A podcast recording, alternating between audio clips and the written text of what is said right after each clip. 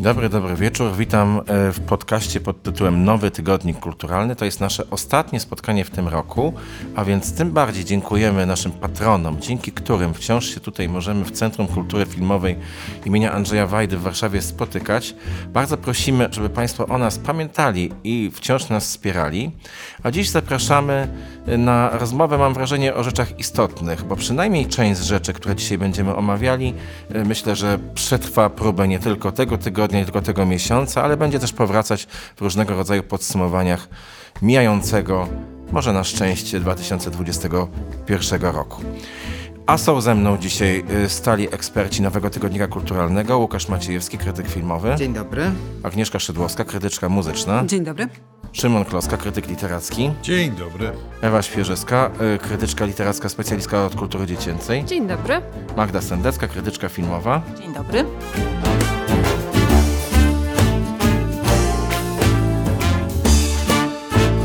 Nowy tygodnik kulturalny.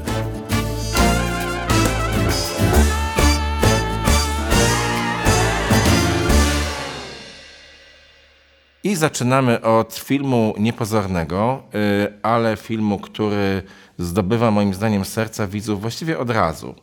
Y, film wyprodukowany przez Lukę Guadagnino, tego od tamtych dni, tamtych nocy, a nazywa się Truflarze. Co to za historia?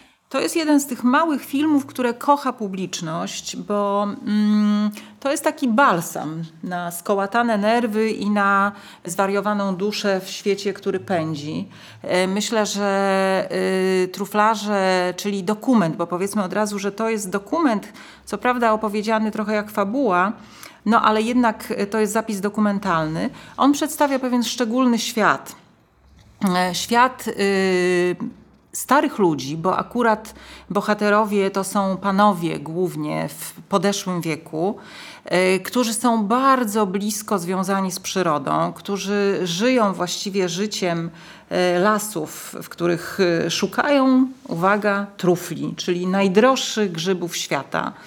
Nawet białej trufli. Białej trufli, tak, to, to nie jest byle jaka trufla. No i mamy oczywiście tam takie wątki tego y, okropnego kapitalizmu, który y, żeruje na, na tych zbieraczach, ale przede wszystkim y, przyglądamy się z bliska ludziom, którzy całe swoje życie poświęcili y, uganianiu się z psami ukochanymi po, po lasach.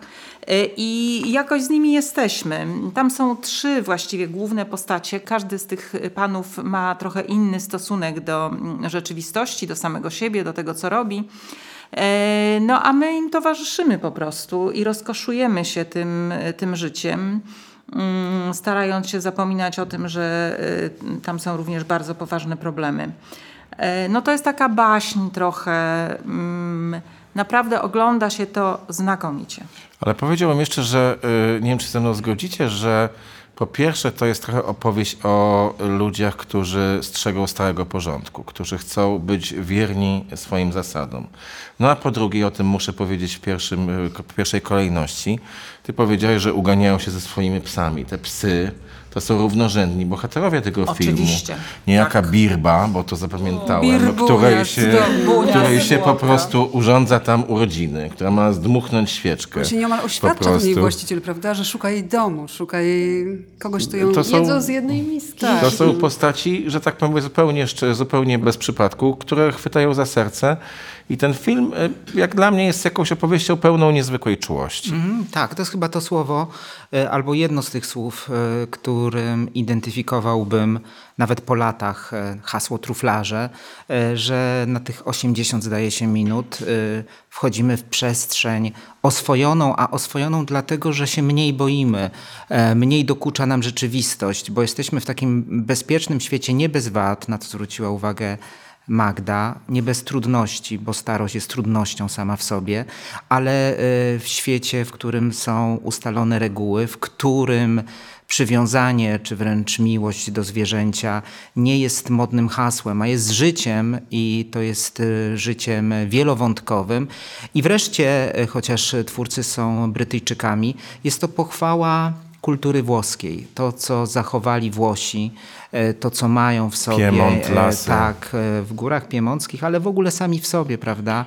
I dlaczego ta kultura jest tak niezwykła i tak dająca, zapładniająca radością. Kiedykolwiek wakacyjnie jesteśmy, albo kiedy jesteśmy jako widzowie w Warszawie lub w innych miastach, oglądając film Truflarze. Ale to też jest pochwała takiej już niedostępnej dla nas, wydaje mi się, rustykalności w najlepszym tego słowa znaczeniu i wydaje mi się, że kameralność tego filmu jest jego bardzo dużą zaletą, no bo ten film nie opowiada całej historii. To znaczy, to nie jest film o truflach w Europie i o truflarzach w Europie. Nie ma tu ani pół, nie ma tu e, e, ani pół słowa o tym, że e, Bośnia i Hercegowina jest miejscem, gdzie teraz na skalę przemysłową się je produkuje i Chociaż to jest cena kilograma pada.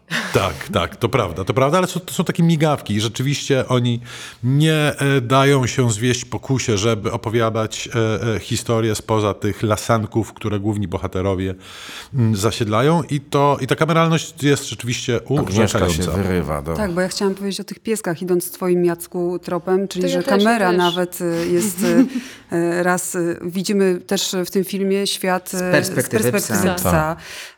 Psy są zagrożone, bo podstępnie są, więc jest tam też wątek taki kryminalny nieomal, bo są wytruwane. I ten film jest tendencyjny, ponieważ on y, wpisuje się idealnie w modną obecnie ideologię, że mniej znaczy więcej, ale ja się w pełni akurat z tą ideologią zgadzam. E, Jest tam taka scena, kiedy pan e, je jajko z truflą. I to jak on je, jak spokojnie, jak doceniając każdy no, element tej prostej potrawy, no to jest właśnie to mniej znaczy więcej. Tak, i ta relacja y, panów z psami. Dla, dla mnie to był film, film y, głównie o relacji e, tych panów ze, z ich psami i tymi. mówmy się, żona tam jest taka...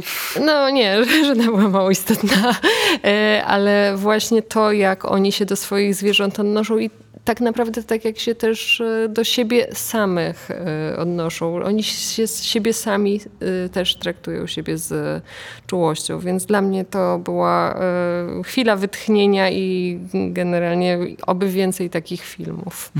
Zapraszamy Państwa bardzo serdecznie na film Truflarze. To jest świetny sposób, żeby po wigilijnej uczcie, po świątecznych posiłkach różnych przenieść się w zupełnie inny, ale jak się okazuje bardzo bliski nam świat.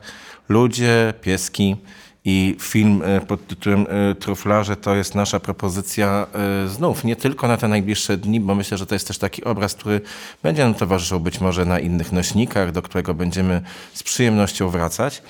Natomiast innym powrotem jest film pod tytułem Powrót do tamtych dni. Powrotem trudnym. Reżyser Konrad Aksinowicz mówi wprost, że opowiedział w tym filmie swoją historię, historię chłopaka, który żył z ojcem alkoholikiem, z ojcem, który no właśnie, kim jest, y, bo grany przez Macieja Sztura, w moim zdaniem w swojej chyba najważniejszej filmowej roli, y, bohater tego filmu.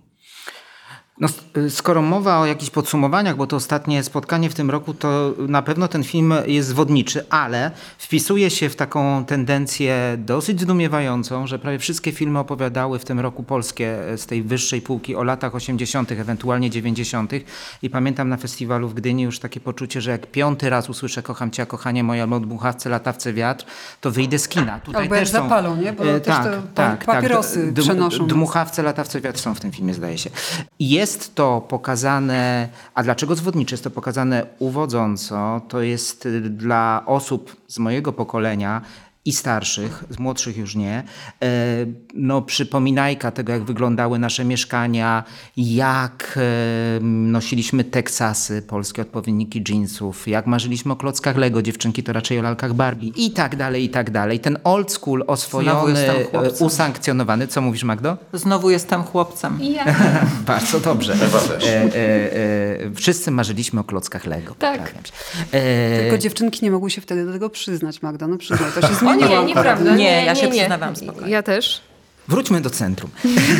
E, na czym polega zwodniczość tego filmu? Że w tę e, krainę sielankową, która na dłuższą metę byłaby nie do zniesienia, chociaż mamy perspektywę dzieciaka, chłopiec, który gra tę rolę, nazywa się Teodor Koziar, e, wkracza właśnie tatuś z USA. To też jest pokoleniowa sprawa, prawda? Tatusiowi Rodzice w Chicago wyjeżdżający do pracy. i przysyłający paczki. Ale zobaczcie, jak to inaczej wygląda. O ile na przykład, ja teraz nie oceniam, film Kingi Dębskiej, Zupa Nic, który nie wiem, czy był oceniany, tutaj omawiany, to było właśnie wyłącznie takie skecze, nawiązanie do tej estetyki przypominania sentymentalnego, co wydarzyło się w latach 80., to Konrad Aksinowicz y, opowiada swoją historię, ta była przejmująca, chociaż też jest niestety historią pokoleniową.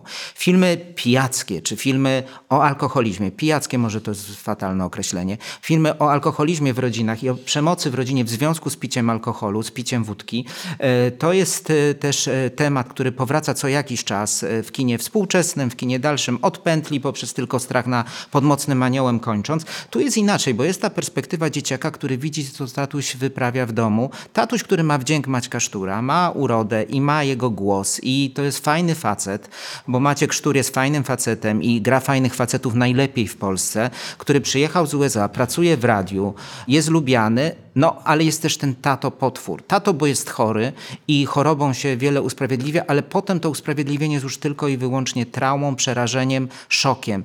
Oglądając to oczyma dziecka, które jest y, zniszczone na całe życie, chociażby się leczyło, przerabiało to wielokrotnie, to jednak ten osad zostaje, o czym mówi również reżyser.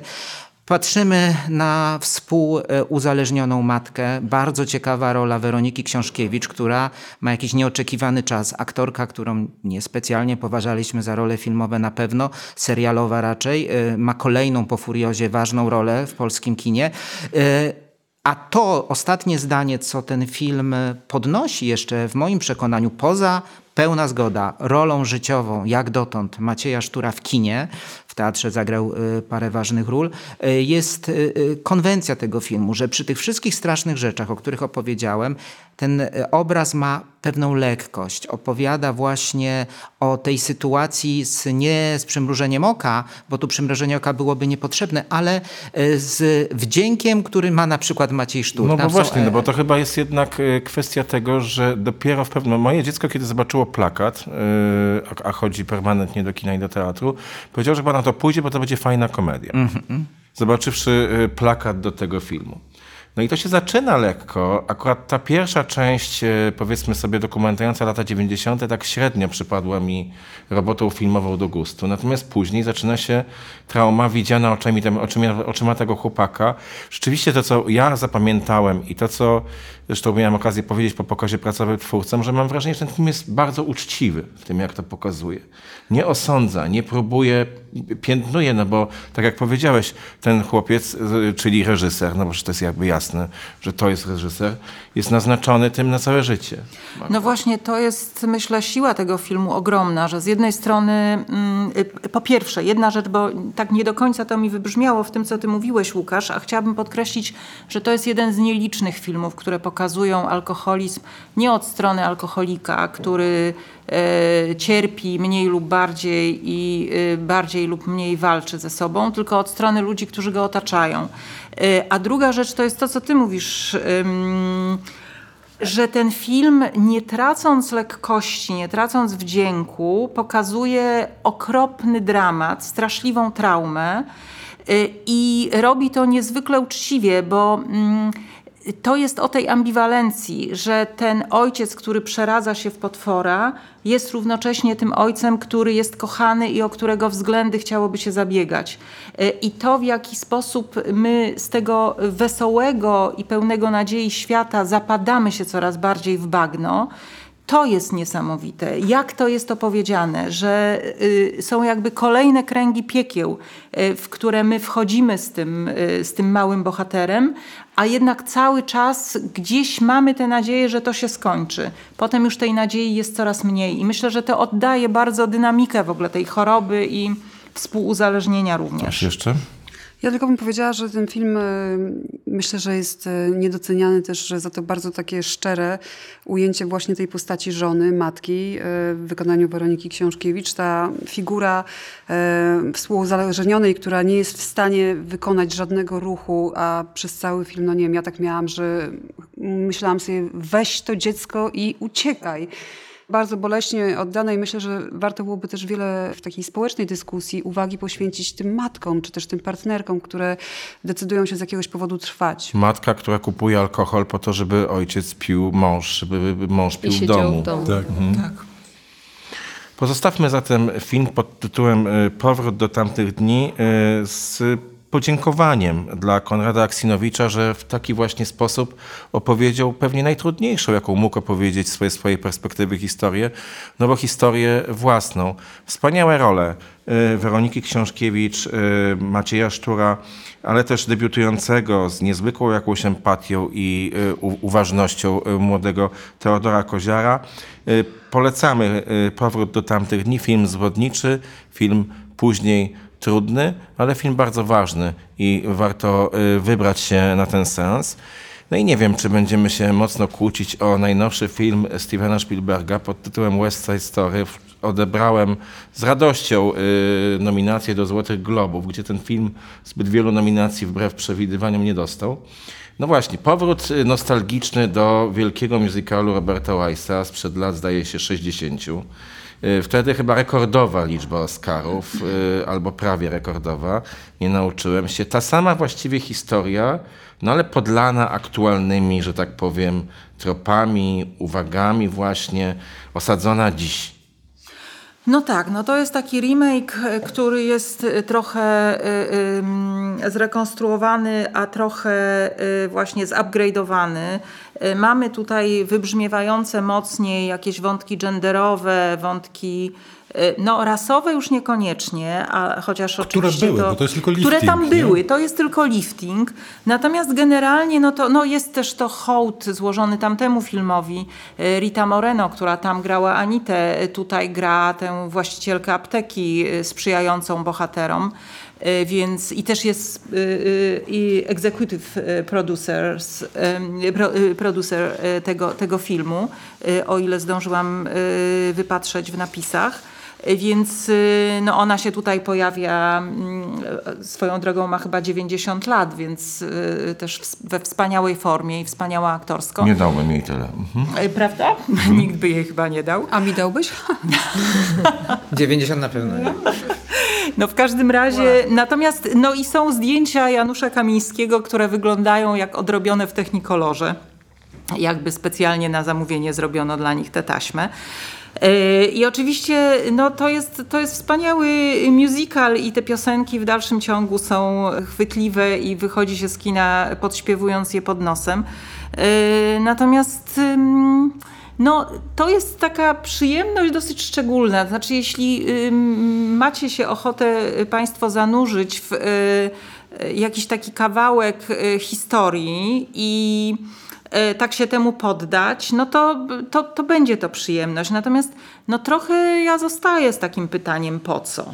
Nie? Bo ten upgrade, y, znaczy myślę sobie, że- Spielberg jest takim fantastycznym rzemieślnikiem, który potrafi robić kino w każdym, pod każdym względem znakomite, właśnie takie warsztatowo wycyzelowane do ostatniego kadru. E, Natomiast no, to się trochę nie, nie unosi y, ponad to. Więc będzie? jeśli, jeśli y, to nam wystarcza, no to super. Ja miałam trzy godziny przyjemności w kinie, nie będę tego ukrywać. Natomiast no, pytanie... Szymon chyba miał mniej. Tak, tak, zdecydowanie. Po co, bo Według mnie mogę, nie ma nie? odpowiedzi na pytanie po co. E, nie ma odpowiedzi na pytanie po co. Ewentualnie, i to też e, wydaje mi się, że jestem bardzo łaskawy, e, możemy znaleźć się odpowiedzieć na pytanie dla kogo. I być może rzeczywiście to jest e, jakaś propozycja dla nastoletniej publiczności, czy dwudziestoparoletniej publiczności, która po oryginał nie sięgnie, e, e, bo nie ma teraz już na pewno po co. E, e, I to chyba, e, chyba jedyny powód, który, jedyne uzasadnienie, które ten film jakoś w moich oczach ratuje. Jeszcze tylko jeden króciutki komentarz, trochę nie na temat, bo zastanawiałem się w ogóle nad zainteresowaniem kinem muzycznym. E, które mam wrażenie jakoś przybiera na sile I, i, i, i że młodzi ludzie bardzo się żywo tym interesują i, i, i, i być może to jest ze względu na to, że byli wychowani na świetnych e, realizacjach animowanych, e, muzycznych, ale nie przypominam sobie żadnego filmu z tego gatunku od czasu tańczącej w ciemnościach Bjork, który zrobiłby coś ciekawego. To znaczy mam O, wrażenie, nie, że ja lubiłem bardzo film pod tym La La Land. Y, Wiem, że No, byłem... Once y, to są, y, nie, nie, są, są, są dobre filmy. Filmów. Znaczy tutaj, tutaj w przypadku, yy, nie przerwałem ci Szymonie. Nie, nie, ja tu zgadzając się z wami tylko powiem, tak. że mam, jestem przekonany, nie, że mam poczucie, jestem przekonany, że można by dużo, dużo, dużo więcej córki dancingu? i że publiczność dużo więcej by przyjęła. No tak, córki Córki dancingu bardzo dobre. E, ale słuchajcie, moim zdaniem jest no duża różnica. Oczywiście każdy, myślę, że świadomy Spielberg bardzo chciał być vintage, ale żeby to było sexy i wyrafinowane, jest staroświecki. Więc nie wyszło. No po prostu jest ta różnica, że jedno i drugie mniej więcej podobnie znaczy, ale no tu się coś nie zgadza. To takie modne słowo stało się słowem niemodnym. E, myślę, że Alians z Tonym Kushnerem, którym kolejny raz współpracował, dramaturgiem e, znanym przede wszystkim. w Ameryce. Tak, ale on współpracowali, prawda, bo on Lincolna też napisał scenariusz, czy, czy, czy, czy Monachium. E, tutaj to jakby kompletnie nie wyszło i te takie wtrącenia, które mają być, e, Magda użyła chyba tego sformułowania, liftingiem, no okazało się takim, no lifting może być też nieudany. I ten jest, e, no w gruncie rzeczy nie ma się czego czepiać. Tam jest wszystko zrobione dobrze. Tam są te sceny widowiskowe na poziomie niebotycznym. Tylko, no już to wiemy, bo są wska- pi- pierwsze wskazania te box office'owe. No bardzo słabo poszło to w kinach, amerykańskich również. E, p- Film typowany na e, przebój i komercyjny, no, no coś nie wyszło. Ale Staroświecki. Magda użyła jeszcze jednego słowa. Będziemy kończyć dyskusję o tym filmie, bo na więcej chyba nie zasługuje. Yy, użyła Magda słowa, że to jest odrobione. I ja mam wrażenie, że to jest właśnie odrobiona lekcja. Oczywiście nikt nie odbierze Stevenowi Spielbergowi biegłości warsztatowej, nikt nie odbierze Januszowi Kamińskiemu umiejętności, yy, jeśli chodzi o yy, sztukę robienia zdjęć filmowych. No, Tonemu Kasznerowi, który jest autorem jednej z najważniejszych sztuk yy, amerykańskich ostatniego półwiecza, czyli Aniołów w Ameryce, no można by zastanowić się, co się z nim stało, skoro podpisał takie dialogi, jakie słyszymy z ekranu. Zostawmy zatem e, West Side Story dla amatorów i przejdźmy do rzeczy cięższego, dosłownie w przenośni kalibru.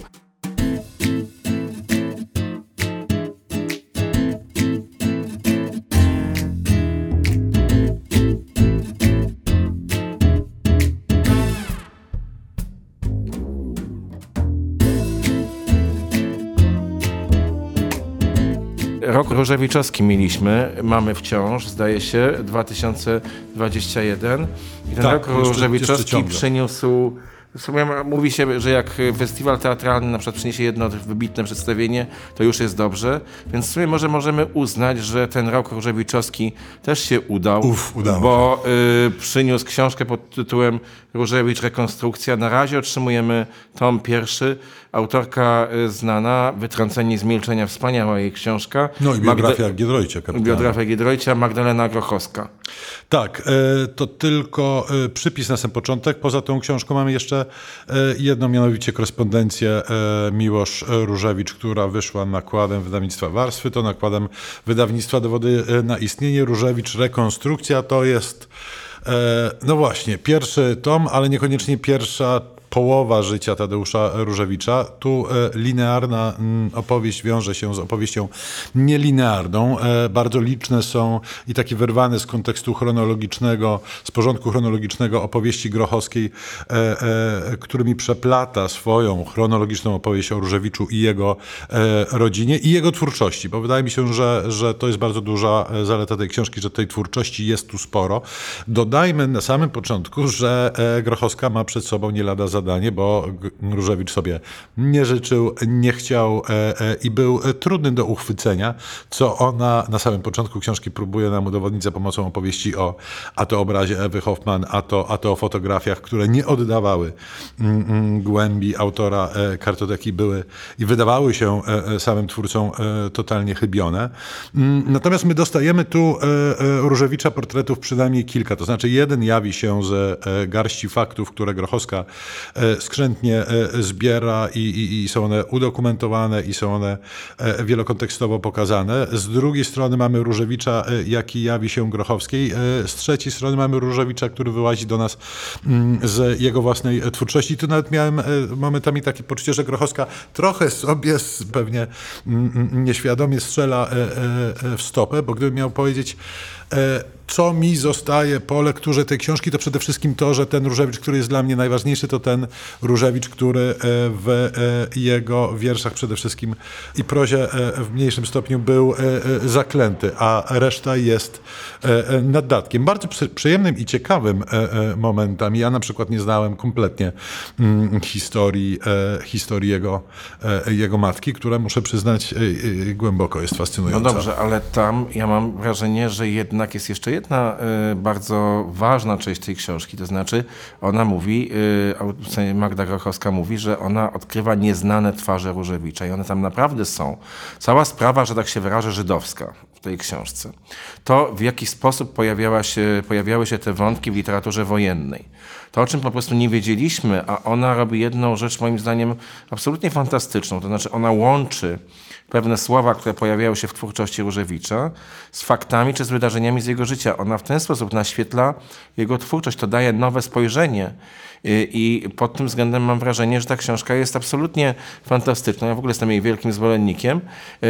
No i jeszcze jedno. Mam wrażenie, że Magdalena Grochowska ma niezwykły sposób pisania o ludziach poprzez impresję, poprzez wrażenia, poprzez fakturę y, miejsc, w których się znajdowali, poprzez obrazy, poprzez takie rzeczy, które niekoniecznie składają się na linearną, jak powiedziałeś, opowieść, ale poprzez smaki y, i wrażenia mówią o nich bardzo dużo. Tu jest e, e, fantastyczny moment, gdzie. E, hmm, no bo też nie, nie, nie wspomnieliśmy o, o, o- o depresji czy stanach depresyjnych Różewicza, które dla mnie też były e, nową. Fenomenalny e, wątek e, spotkania, tudzież nie spotkania Różewicza z Miłoszem. Różewicz się z Miłoszem umawia na spotkanie w hotelu w Paryżu i na to spotkanie nie przychodzi. I Grochowska tłumaczy Różewicza jego własnym głosem i własnym tekstem, dlaczego tak się stało. To tłumaczenie jest rozpisane zresztą na lata i, i, i to wytłumaczenie tego jednego drobniutkiego epizodu daje nam bardzo e, silny, bardzo dojmujący e, e, obraz. Zresztą niesamowite, że Różewicz wraca do tego po latach z taką nadzieją, że być może Miłosz przeczyta i jeżeli ja opublikuję, a czy opublikuję, a czy przed jego śmiercią. Tak, tak. Dużo, dużo różnych twarzy Różewicza, tu pełna zgoda. No jest też wątek e, relacji z bratem Januszem, e, też bardzo istotny. Autorka Magdalena Grochowska w którymś wywiadów wspominała, pisze zresztą o tym w tej książce, że jak patrzymy sobie na ten krajobraz literacki e, Tadeusza Różewicza, fascynujący i niepodlegający upływowi czasu, tak mi się zdaje, większości jego utworów, to często pisze o konkrecie, natomiast poza konkretem jest jeszcze to, co e, Grochowska nazywa i e, spełnia tę obietnicę, że będzie to pokazane miedziane niebo Różewicza, czyli nie niebieskie, nie czerwone, nie zachodnie, tylko miedziane. I w tej miedzi, w tym kolorze, w tym kruszcu wydaje mi się jest też tajemnica do nieoczywistej temperatury opisu z perspektywy autorki, ale też z perspektywy autoopisu e, samego Różewicza. Magda. To ja jeszcze, słuchajcie, chciałam y, polecenie szybkie wtrącić, bo nie wiem, czy myśmy o tym mówili. Jest w Teatrze Wielkim Operze Narodowej fantastyczna wystawa Wspaniała. Różewicz i obrazy. Znakomite malarstwo ludzi, z którymi Różewicz się przyjaźnił.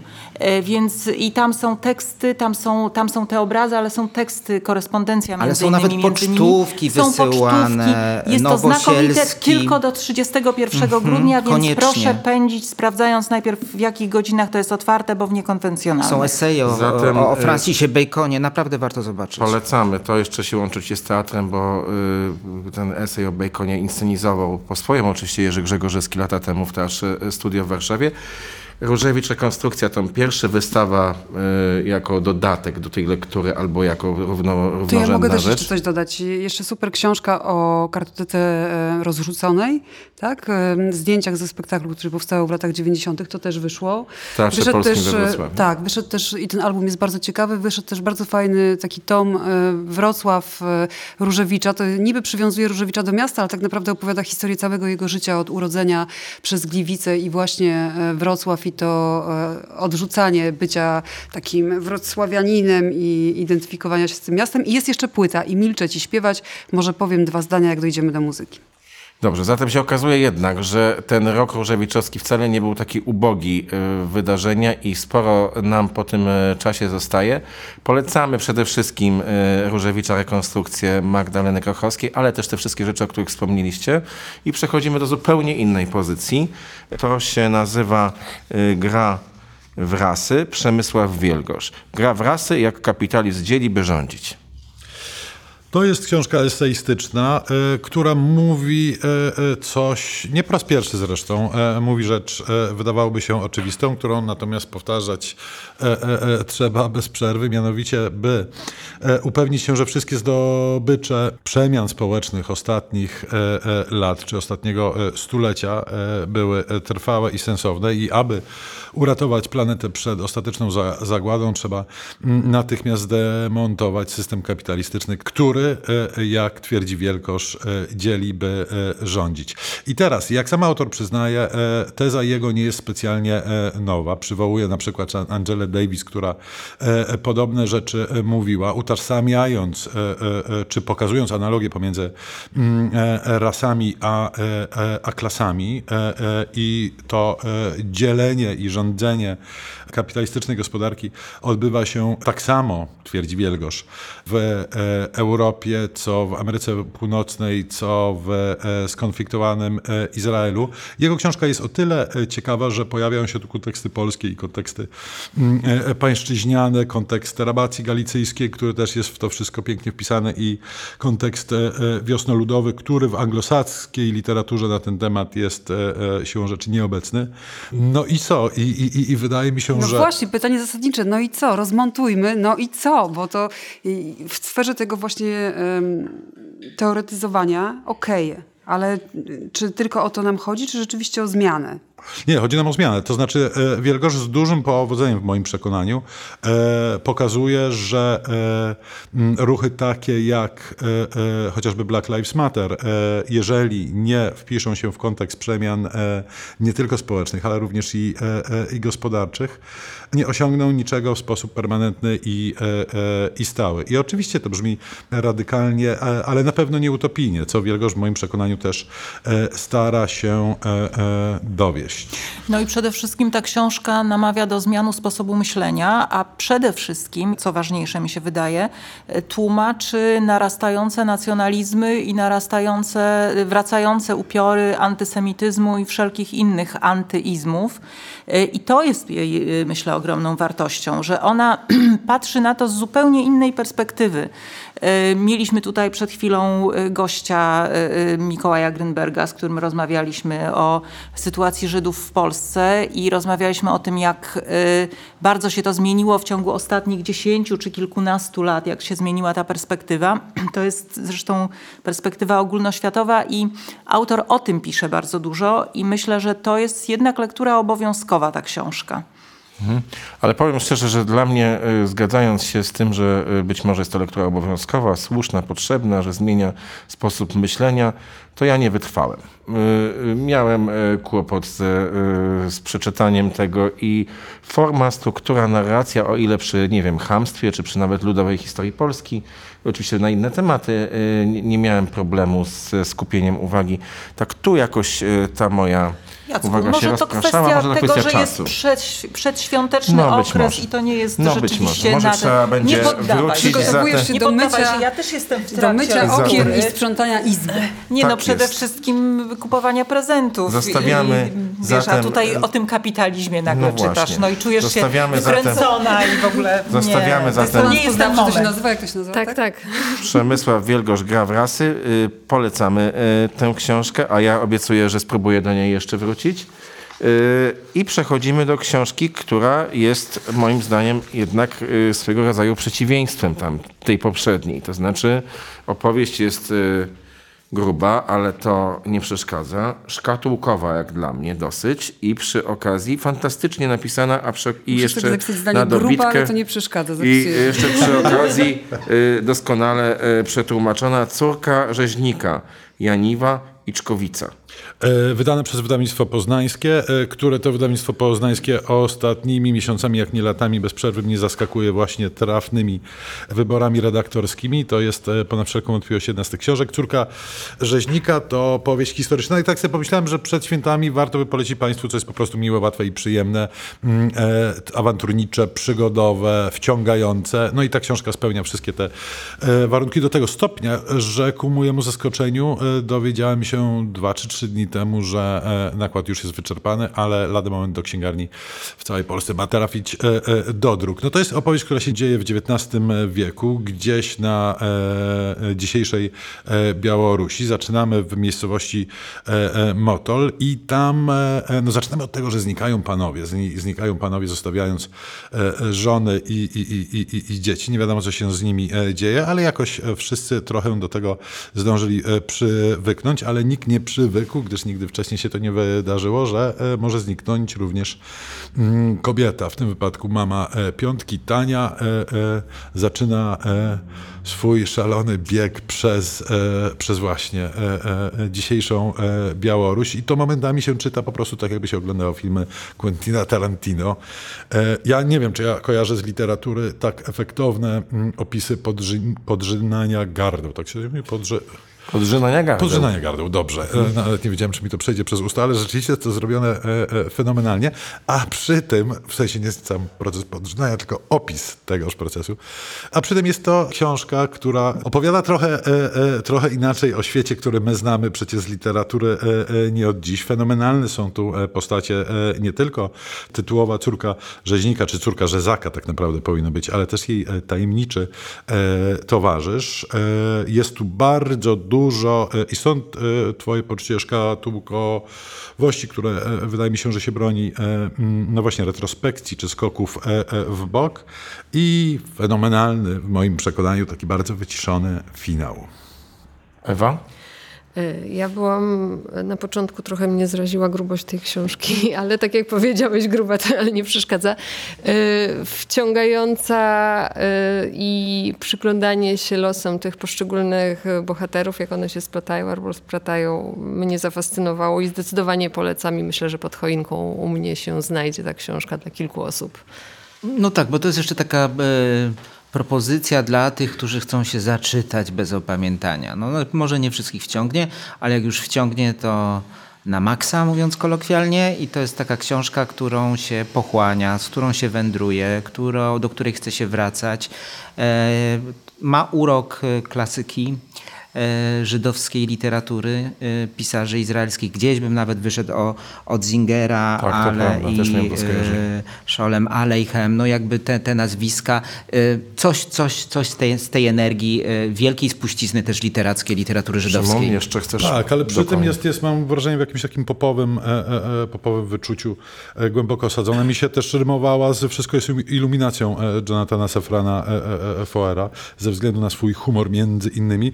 Nie wspomnieliśmy o tym i należy to e, e, podkreślić, że za więcej niż sprawny przekład z języka hebrajskiego jest odpowiedzialna Anna Halberstadt. Ale właśnie fantastyczne jest to, o czym powiedziałeś, y, że rzadko oddajemy tutaj honor y, wydawcom. Tymczasem wydawnictwo poznańskie moim zdaniem wypromowało y, przynajmniej kilku pisarzy, wypromowało także kilku tłumaczy, by wymienić choćby Krzysztofa Cieślika z ostatnich czasów, a teraz sięga w zupełnie inną stronę, bo zawsze zazwyczaj była to jednak literatura anglojęzyczna, a teraz taka niespodzianka. Właśnie Łukasz powiedział o zaczytaniu się. Tego zaczytania się Państwu na świąteczne dni i nie tylko życzymy, y, a do tego książka pod tytułem Córka rzeźnika jest znakomitym y, powodem. Od zaczytania w literaturę y, dla dorosłych przechodzimy do zafascynowania literaturą dziecięcą. Dwiema książkami. Tak. Pierwsza to Brud. E, Brud jest e, najdosłowniej o brudzie. Tak, brud, Z- y, cuchnąca historia higieny. E, Jakby nie było. E, Książka, która e, myślę, że formatem odpowiada grubości książki, o której przed chwilą mówiliśmy, czyli Córce e, Rzeźnika, więc jak e, rodzice się zaczytają w swoich e, lekturach, e, dzieci będą mogły e, bez trudu e, zgłębiać historię brudu, która oczywiście jest stara Yo. jak. O, ale się zrymowało. E, która jest e, stara jak świat. E, W książce rzeczywiście o brudzie jest dużo, ale nie tylko o brudzie, bo i o wynalazkach, które mm, się z tym brudem, a raczej z usuwaniem go wiążą, o tym, jak sobie z higieną i czystością radzą ludzie, którzy lecą na stację kosmiczną i co zrobić, żeby jednak się tam umyć e, mimo braku e, grawitacji. E, Bardzo dużo nawiązań historycznych, ale przedstawionych w sposób zabawny, zarówno w warstwie tekstowej, jak i ilustracyjnej, bo nie, można nie wspomnieć o tym, że ta książka zdecydowanie mm, się składa z, ty, z tych dwóch elementów i nie wiem, czy graficzny nie dominuje, chociaż dla tych trochę starszych czytelników e, historie przedstawione przez e, autorów e, na pewno będą wciągające. Gorąco, gorąco polecam. Nie wiem, czy ktoś jeszcze z Was chciałby coś o tej książce. Ja, tak, ja bym powiedział, że na początku myślałem, że będą to obrazki z podpisami, jak sobie to zacząłem oglądać, ale potem się okazało, że ta proporcja jest jednak dużo bardziej zrównoważona i że tekstu jest całkiem sporo. I to jest taka książka jak dla mnie do czytania przez rodziców dzieciom e, Tak. po prostu, bo również rodzice, przyznaję, mogą się z tego pewnych faktów dowiedzieć, bardziej faktów historycznych, ale e, to jest po prostu e, zupełnie interesująca historia nie tylko dla tych najmłodszych, a przy okazji trzeba zwrócić uwagę na rzeczywiście fantastyczną formę edytorską. Myślę, że nie tylko do czytania przez rodziców dzieciom, ale do czytania również przez rodziców sobie. No to jest wspaniały pomysł. No wiadomo, że za tym idzie talent y, ilustratora, autorki tekstów, ale no y, nie wiem, Ewo, czy to podejrzewam, że gdzieś na świecie takie książki się ukazują o tej tematyce, nie wiem, może. Natomiast się w pomysł jest kapitalny i jestem przekonany, że to jeśli Nie no, w jeszcze Polsce nie była jest... kiedyś słynna książka o kupie, trzeba sobie jasno powiedzieć. Robala, dużo jest nie, takich. nie jedna książka. Ale o dla dzieci, nie, fantastyczny i myślę, że to jest bestseller, albo za chwilę będzie bestsellerem. Bo... Tak, bo tu jest tak. to świetnie y, zrobiona dokumentacja. Nie wiem, czy autorzy się posiłkowali. Pewnie tak, y, tymi y, takimi dorosłymi historycznymi opracowaniami tej tematyki. To one są przecież zresztą wymienione. Wymi- tu. A no Tak, tak. właśnie, jest bibliografia rzeczywiście. Natomiast no, ja się dowiedziałam bardzo ciekawych rzeczy i to też zmienia taki y, sposób myślenia o różnych rzeczach, no bo jest tam bardzo dużo na przykład o y, epoce, którą my mamy na podstawie zresztą filmów za taką wykwintną i wytworną, a okazuje się czym ona była podszyta. To ja już nie mogę wytrzymać. Co biega pod ch- Chciałem skomentować obie te książki, ale w takim razie skomentuję w, e, e, pomiędzy. E, Ewa się przyznała, że się dowiedziała. Magda się przyznała, że przeczytała z, wielką, e, z wielkim zainteresowaniem i się dowiedziała całej masy rzeczy. Jacek e, również.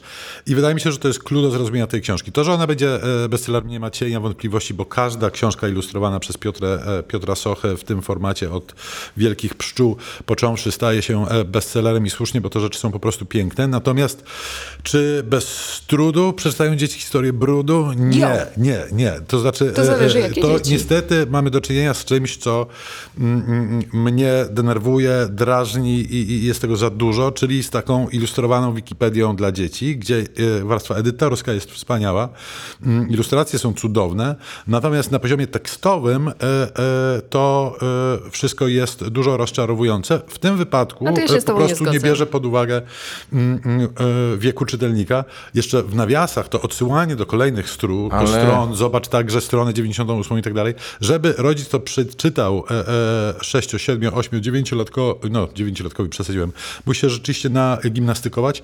I ja chciałem przypomnieć jedną rzecz, że standardy, jeżeli chodzi o non-fiction dla dzieciaków czy dla najmłodszego odbiorcy w Polsce, zostały wyznaczone przez e, domek e, e, e, Aleksandry i Daniela Mizielińskich. No i to są po prostu dwie odrębne e, planety. No dobrze, Tamta ja- ikonografia mówiła sama za siebie.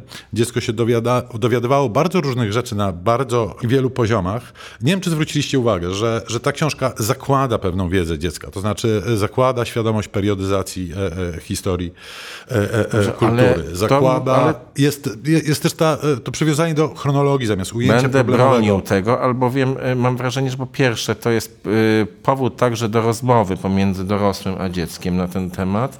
Po drugie, nie trzeba, Szymonie, tej książki czytać od deski do deski za jednym zamachem. Można sobie Nawet- dawkować te To- to- to elementy. prawda. I myć rączki. To ponad wszelką wątpliwość, to prawda, natomiast e, e, wydaje mi się, że to jest rzeczywiście poważny problem, z którym mamy do czynienia na rynku książki e, dziecięcej, gdzie półki są zdominowane właśnie jakimiś takimi leksykonami, które w ogromnej większości są zrobione z umiarkowanym pomysłem, nawet jeżeli jest to Nie właśnie... znam tak dobrze rynku książki dziecięcej, więc nie odniosę się do tego. Powiem tylko, że przy wszystkich uwagach y, Szymona ja bym jednak radził po tę książkę sięgnąć i rzeczywiście sprawdzić, jak to się sprawdza, że tak powiem, tautologicznie y, w kontakcie i z dorosłym, i z dzieckiem.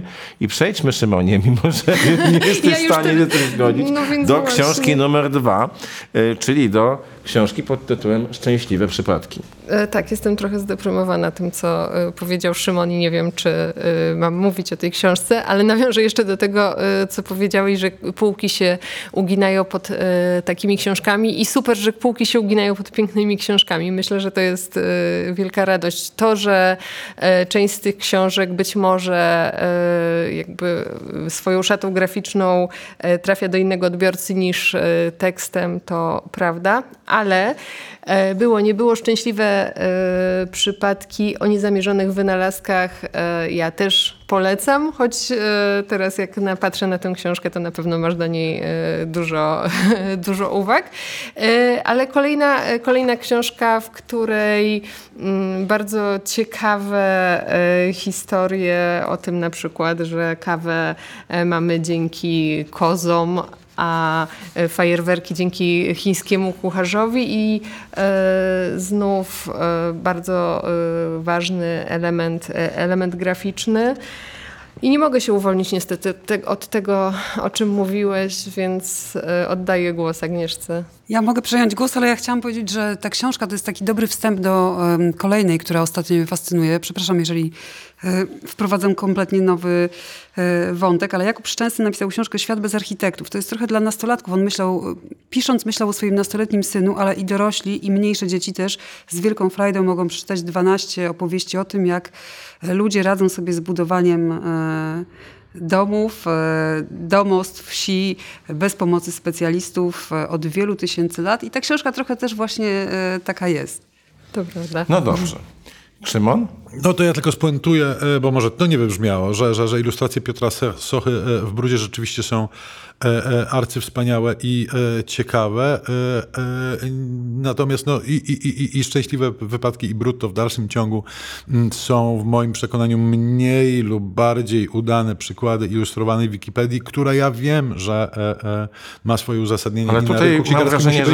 Błagam was, tylko weźcie, napiszcie jakąś bajkę w końcu. Mówię do was, No panie tak. autorki i autorzy, bo tego To nie prawda, ma, do nie tego- ma. Bajek do- jest bardzo, bardzo Ale ogóle, dużo. ogóle, o, ogół, w ogóle chyba y, nad y, beletrystyką czasami się tutaj zastanawiamy i nad jej y, niedoborami, by tak to powiedzieć.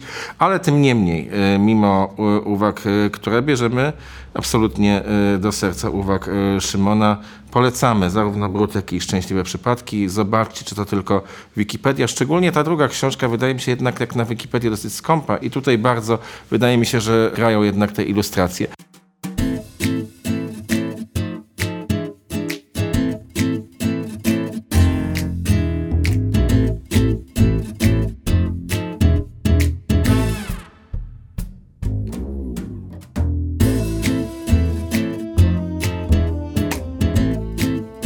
Przechodzimy do muzyki, a tu mamy dwie zupełnie, wydaje mi się, różne propozycje.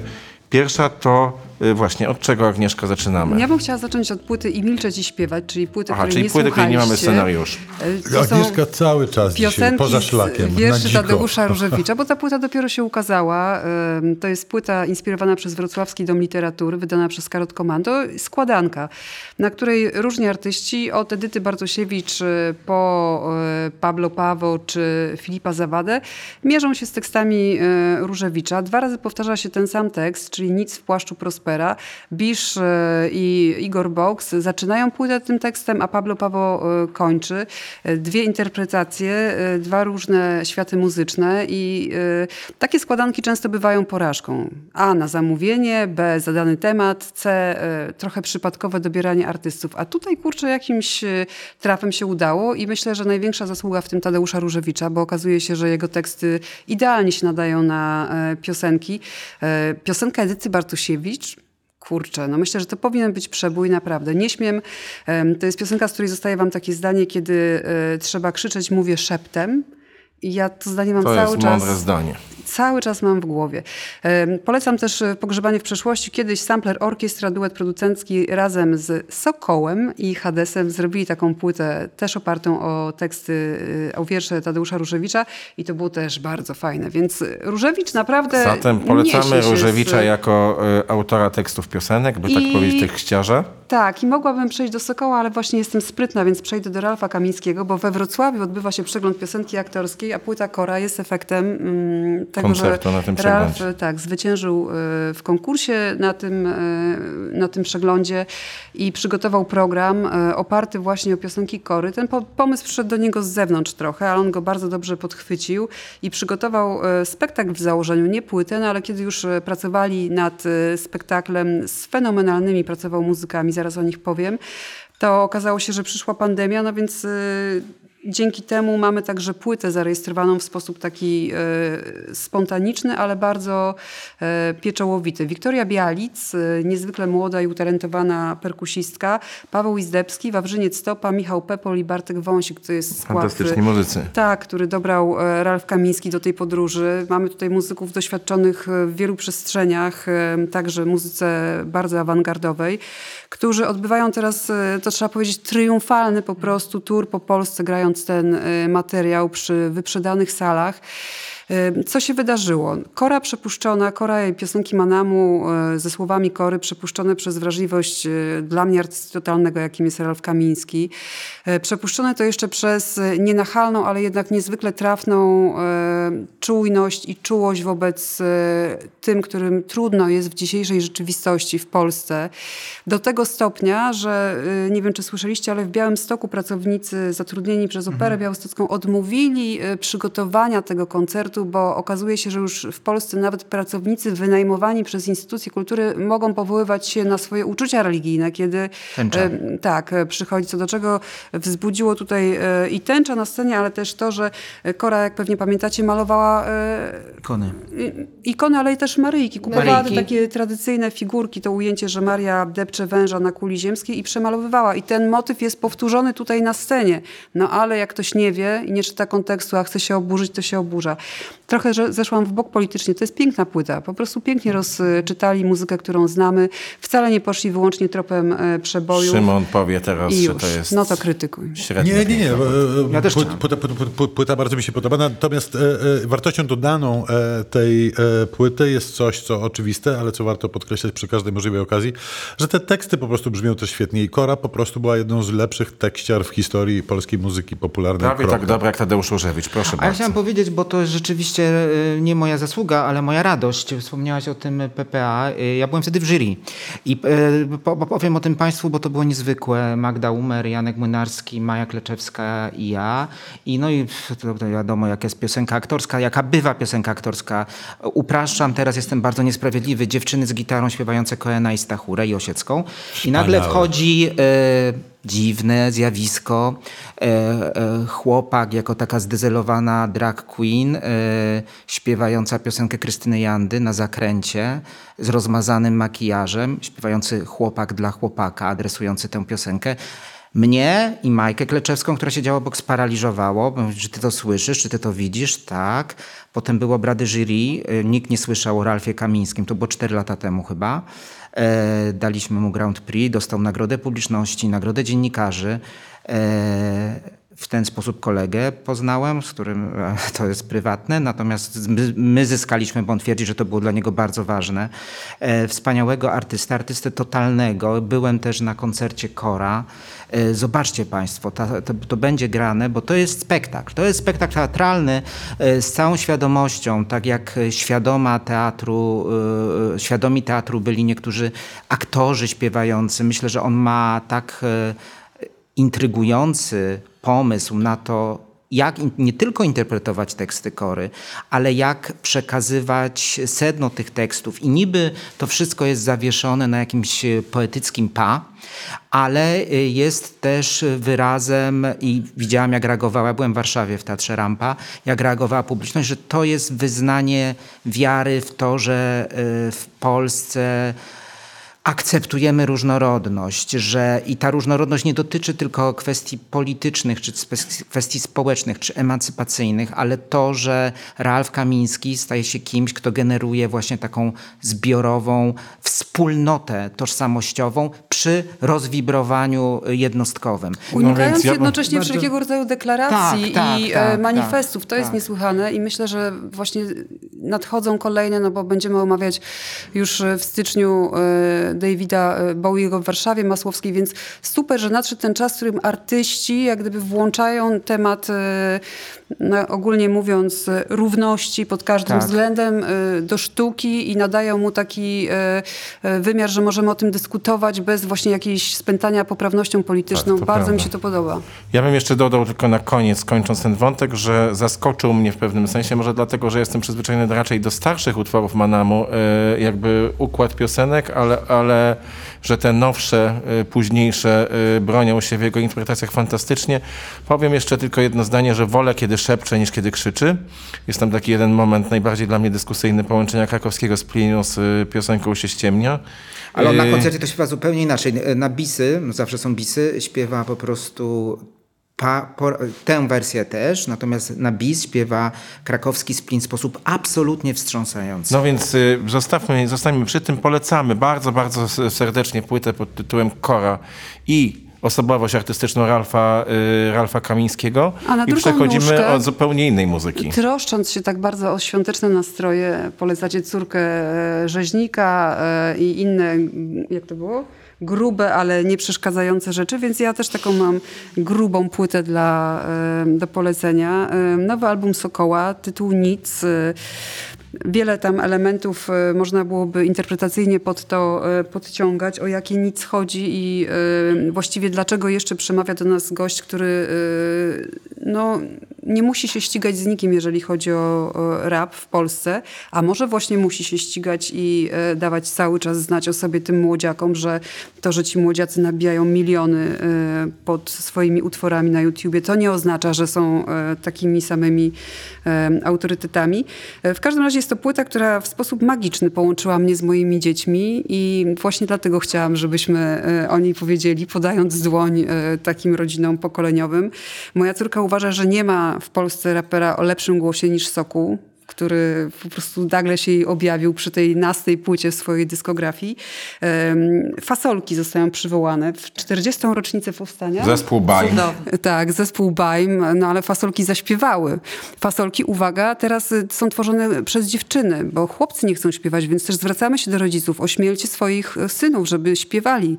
W fasolkach śpiewają dziewczyny w tym czasie. Jakby wyglądała gawenda e, czy fasolki kiedyś? No, co trzeba zmienić, panowie, do boju. Rzeczywiście mówią, mówiono, że słabniecie, no ale... Ale, ja Ale aż uważam, tak? że Ale to- bez przesady, no. Co ty się na mnie patrzysz? Przecież Ja uważam, to byłby że- koniec fasolek, gdybym ja cię zabrał za Problem fasolek jest problemem palącym, ale ja powiem, że, y, że ta płyta na mnie zrobiła szczególne wrażenie, bo ja myślę, że to jest koncept album. Znaczy, Tak, że to ja jest po prostu y, opowieść, którą trzeba przyjąć w całości, której trzeba słuchać w całości. Opowieść, której centrum jest Sokół i jego różni, że tak powiem, kooperanci, włącznie z facetem, który właśnie te miliony nabija, czyli niejakim Kłebo na fide, y, to wiem od mojego syna, y, y, oczywiście, y, ale ja mam wrażenie, że ten tytuł i ten, który, że tak powiem, ulice miasta, y, w którym żyjemy, czyli Warszawy, jakoś tam y, no, zawładną, czyli nic, bo to się stała także identyfikacja graficzna całego tego projektu, no pokazuje jednak bardzo dużą, że tak się wyrażę, gorycz tej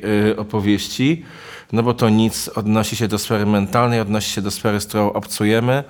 Bardzo przekonująca, y, bardzo mocna i bardzo jak dla mnie bezkompromisowa y, historia w kategoriach także muzycznych, ale i literackich. Sokół pokazuje się tutaj jako świetny tekściarz.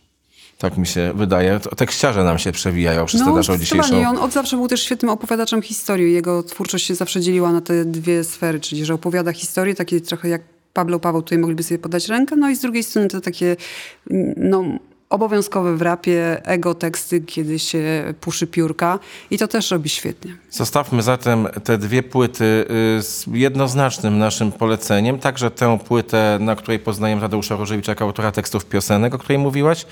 I y, życzymy jak najwięcej dobrej muzyki na święta i nie tylko.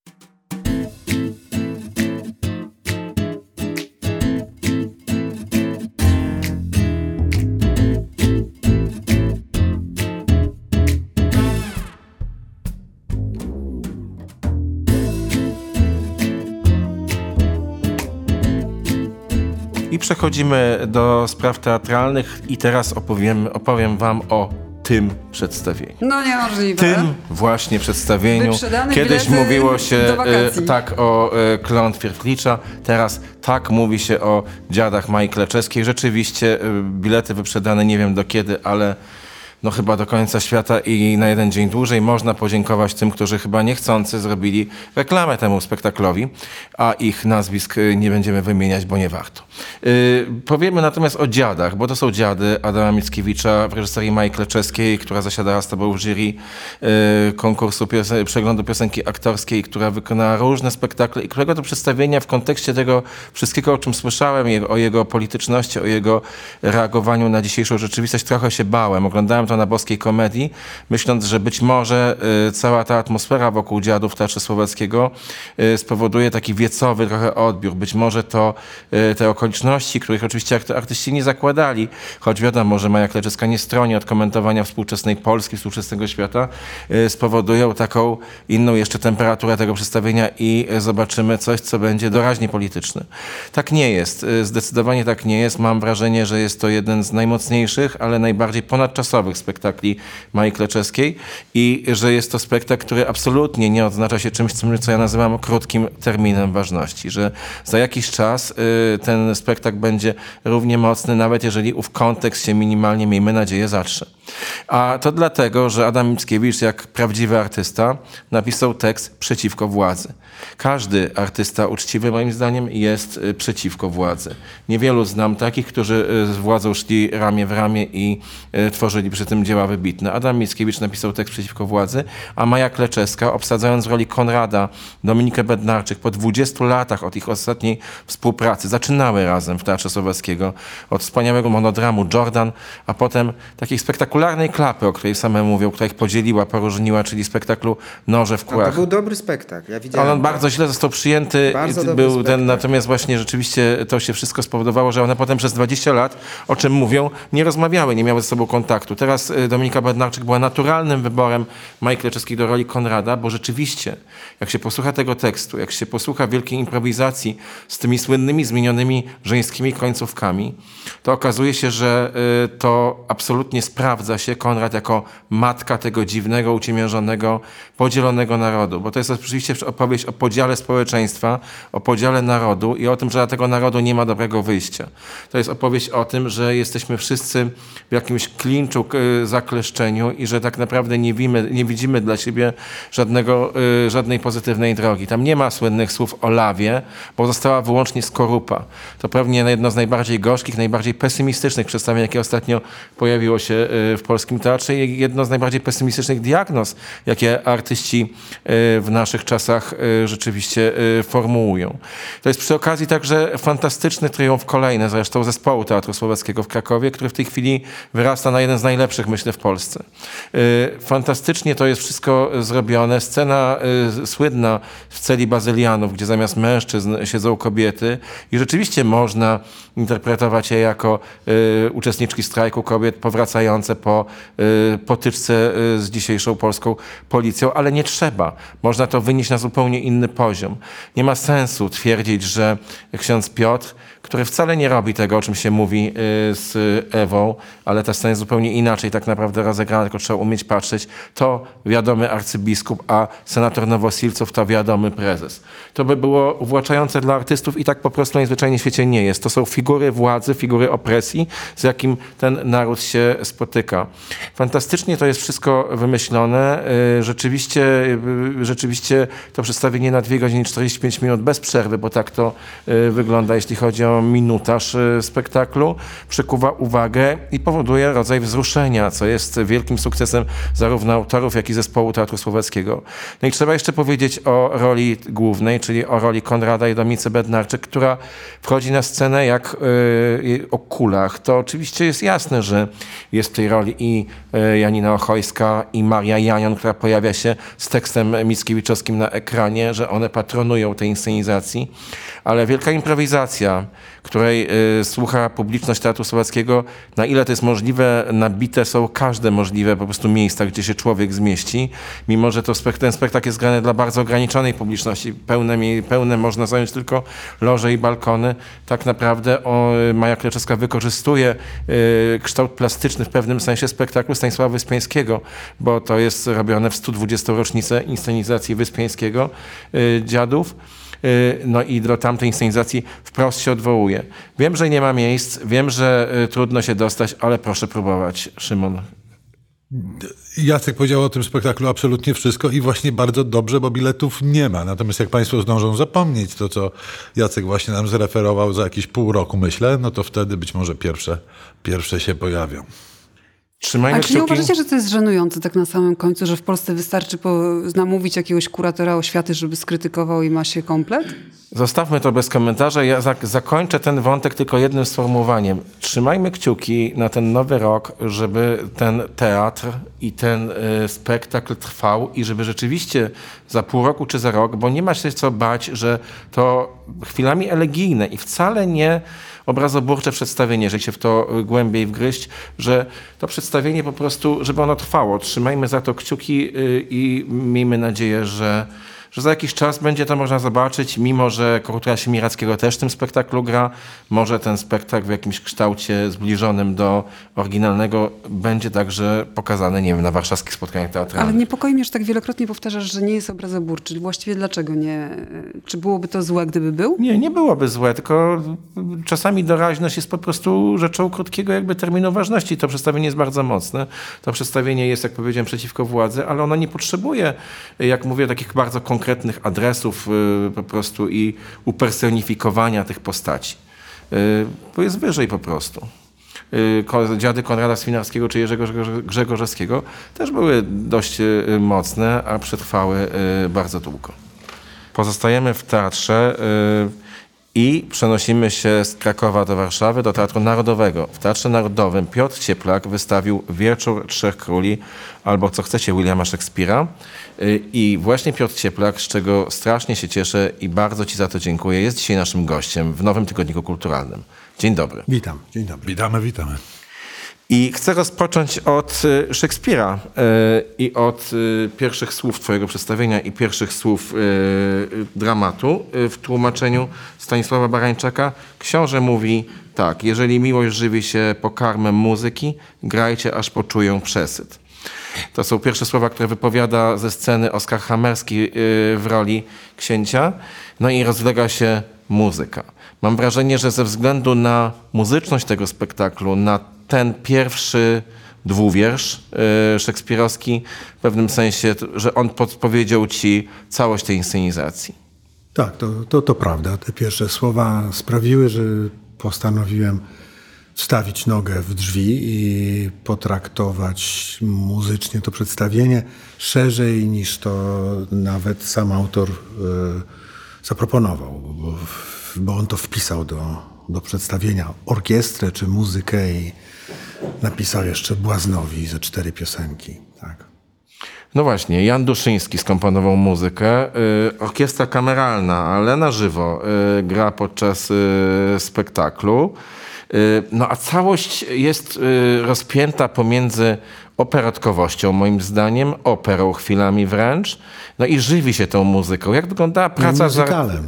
y, I muzykalem. I właśnie y, jak wyglądała praca na każdym poziomie tego spektaklu z aktorami, którzy nagle muszą śpiewać, nawet, nawet niezależnie od tego, czy śpiewają fantastycznie, bo po prostu jest to jeden z elementów ich rzemiosła, czy y, śpiewają, powiedzmy sobie, grając, że śpiewają, bo do tej pory śpiewać nie śpiewali i to też jest niezwykle zabawne samo w sobie i budzi rzeczywiście ogromne jakieś zadowolenie y, publiczności.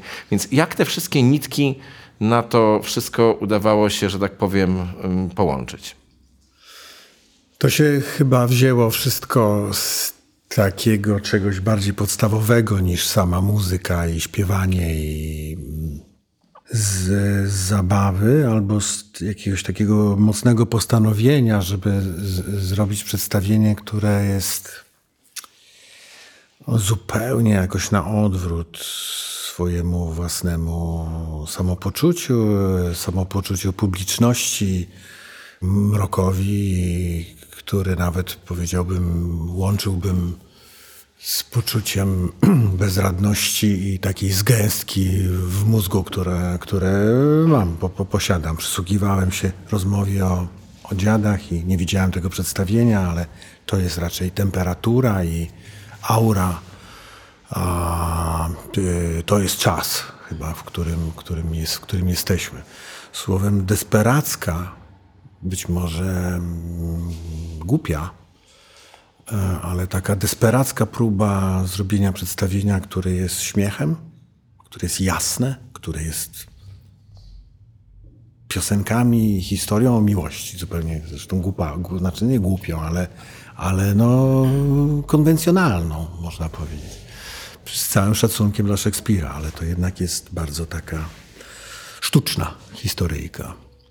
Więc te, to, to postanowienie, żeby zrobić takie przedstawienie, to to był początek całego przedsięwzięcia. I stąd muzyka, stąd zabawa w śpiewanie, w, e, zabawa w teatr, w, e, w kurtynę, która zapada i podnosi się, te kuplety, w te zabawy w Don Giovanniego. Zdaję sobie sprawę z tego, że to jest jakiś taki, powiedziałbym, anachroniczny gest.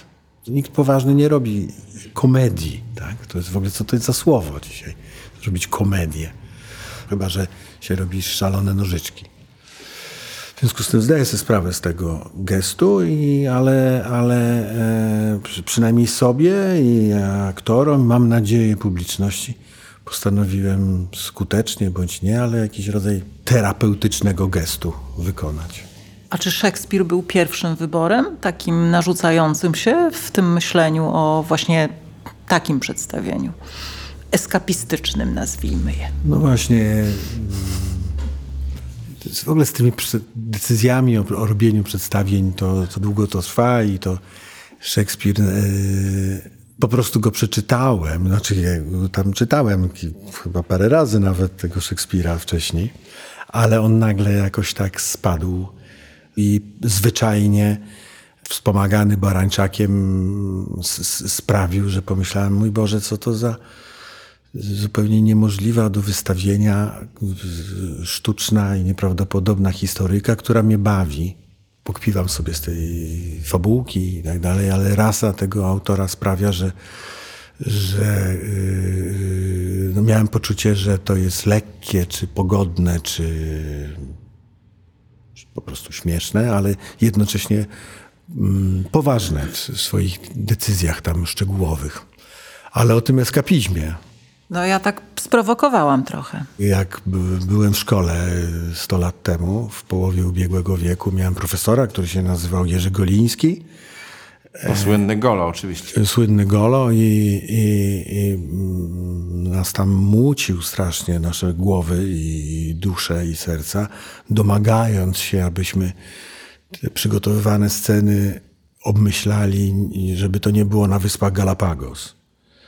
I sobie to bardzo od tej od młodości wziąłem do serca. I, i bardzo się pilnuję, żeby, żeby nie były jakieś takie oderwane poprzednie przedstawienie, które z, zrobiłem w Teatrze Narodowym półtora roku temu, nazywało się ono Wojcek i było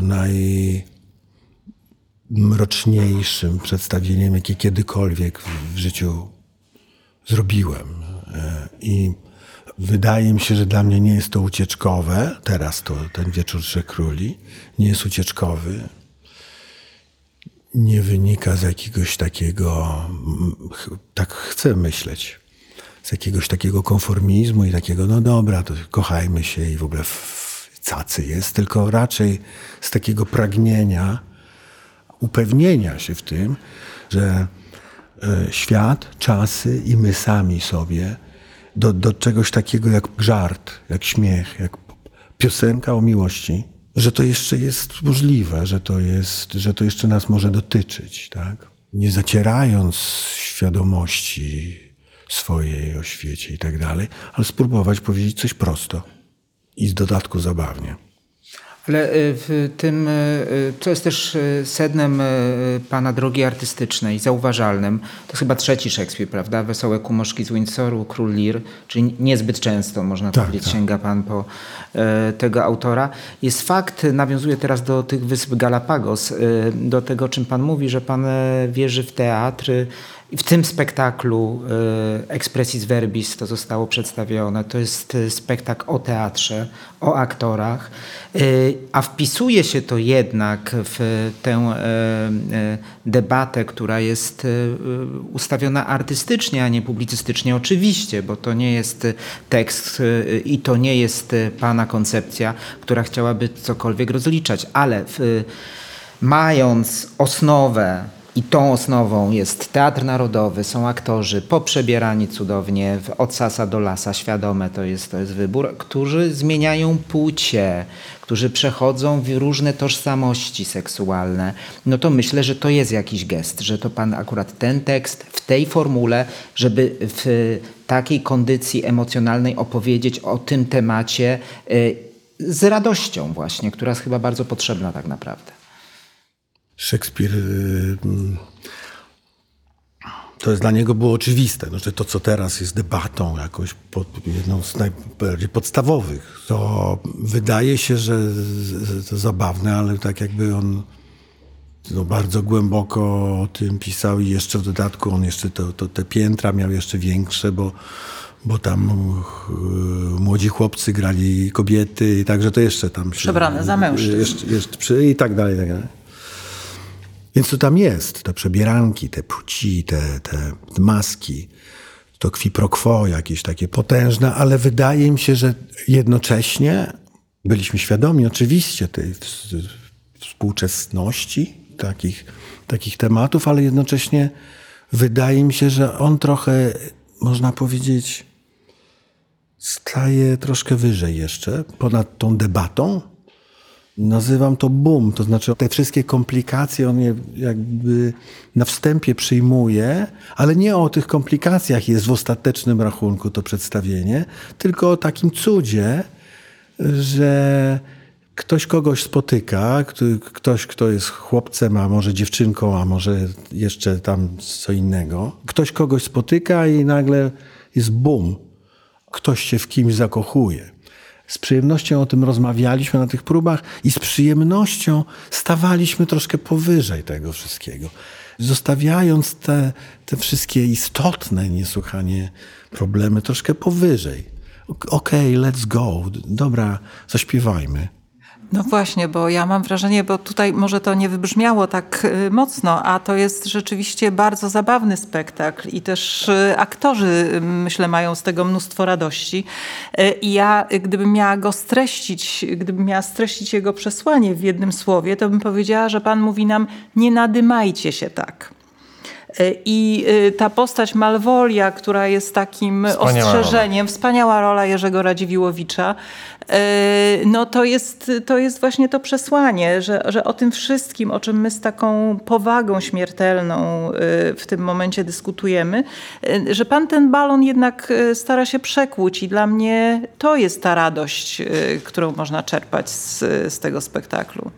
Intencja moja w każdym razie była taka, że to nie jest zaśpiewajmy sobie fajną piosenkę. Tak? Potrzebowałem i wydaje mi się, że za- dzieliłem te emocje razem z aktorami, żeby sobie y, trochę zrobić jakieś takie salto psychiczne, duchowe czy jakiekolwiek, żeby wykonać taki głupi gest, no, dzie- dziecięcy może nawet. Nie mi przyszedł do głowy cytat e, przepisywany Emmy Goldman. Ona nie jest e, jego autorką, ale tak się utarło, że, że się go jej przypisuje. Jeśli nie można tańczyć, to nie chce być częścią waszej rewolucji. I, I przyszło mi do głowy, że właśnie śmiech, humor i jakaś tam lekkość jest e, e, e, niezbędna, w- niezależnie od tego, czy chcemy e, e, e, brać na warsztat. E, e, jak to pan powiedział, palące problemy współczesności, czy nie. Natomiast pytanie, czy jesteśmy już na etapie takim, gdzie ten humor i normalność staje się sama w sobie aktem dywersji? Mam nadzieję, że nie. Natomiast e, e, z naszej rozmowy na pewno zapamiętam frazę pod tytułem Nazywam to boom. E, to przypadło mi do gustu, muszę powiedzieć. Y, Moglibyśmy długo rozmawiać i o tym przedstawieniu, i o teatrze Piotra Cieplaka. W różnych konfiguracjach dyskutowaliśmy tutaj o ułanach y, swojego czasu, o innych przedstawieniach Piotra. Ja pamiętam taki spektakl, który zrobiłeś lata temu i gdzie też się to wszystko nałożyło w sposób niezwykły. Myślę o Słomkowym Kapeluszu Labisza y, w Teatrze Powszechnym w Warszawie. Ale zostawmy z tą myślą, że, że Wieczór Trzech Króli to nie jest, to nie jest spektakl eskapistyczny, a terapeutyczny i że ten śmiech i to, co robią tutaj fantastyczni aktorzy Teatru, Teatru Narodowego, można by wymienić całą obsadę, ale wymienimy jednak Jerzego Radziwiłowicza, który ma jednak w tym spektaklu, moim zdaniem, takie także ciemne, beketowskie y, trochę dno w roli Malwolia, ale na przykład z niezwykłej zupełnie roli Mariusz Benoit, ale też cała ta młoda część zespołu y, Teatru Narodowego. Michalina Łabacz. Michalina Łabacz, y, Wiktoria Gorodeckaja, Gorodeckaja, która cudowna. śpiewa fantastycznie. Polecamy Państwu bardzo serdecznie Wieczór Trzech Króli w Teatrze Narodowym w reżyserii Piotra Cieplaka. Dziękujemy Ci bardzo za to spotkanie. Dziękuję. I y, to jest nasze ostatnie spotkanie w tym roku, więc y, pozwólcie, że y, od całej ekipy Nowego Tygodnika Kulturalnego, jeśli chcecie się dołączyć, to bardzo proszę za chwilę. Powiem tyle, że na te święta i na Nowy Rok życzymy Państwu przede wszystkim zdrowia, bo to jest w naszych czasach absolutnie najważniejsze, ale też nadziei tego, żeby wierzyć, że, tak jak ostatnio mówiłem, odwołując się do e, hasła boskiej komedii, po ciemności przyjdzie wreszcie światło, że e, śmiech przestanie być e, ucieczką czy terapią, a stanie się czymś naturalnym, odwołując się do słów naszego gościa. No i że warto tę nadzieję mieć i warto spojrzeć na siebie życzliwie, normalnie i że jeszcze, jeszcze będzie przepięknie, jeszcze będzie normalnie. Nie, przyszły rok jest rokiem Marii Konopnickiej, więc na pewno będzie wesoło. o. Na pewno będzie wesoło. Pojawią się jakieś, e, jak to mówiłeś, obrazoburcze książki. Ja chciałam e, powiedzieć, że trzeba czytać, oglądać, e, słuchać, bo można trafiać na takie zdania, które potem robią całe dni, tygodnie czy miesiące, jak na przykład mi zdanie z Różewicza, że w Ameryce najbardziej przypadły mi do gustu aforyzmy Czechowa. Proszę Państwa, wciąż dziękujemy naszym y, patronom za to, że są z nami, za to, że nas wspierają. Proszę nie zapominajcie o nas, bo to y, warunek naszych y, w pewnym sensie kolejnych spotkań z Wami. Życzymy na święta Bożego Narodzenia na Nowy wszystkiego dobrego. Kłaniamy się, my, ekipa Nowego Tygodnika Kulturalnego. Do zobaczenia, do usłyszenia. Do Dziękujemy usłyszenia. Wam. Do usłyszenia. bardzo. Wszystkiego dobrego.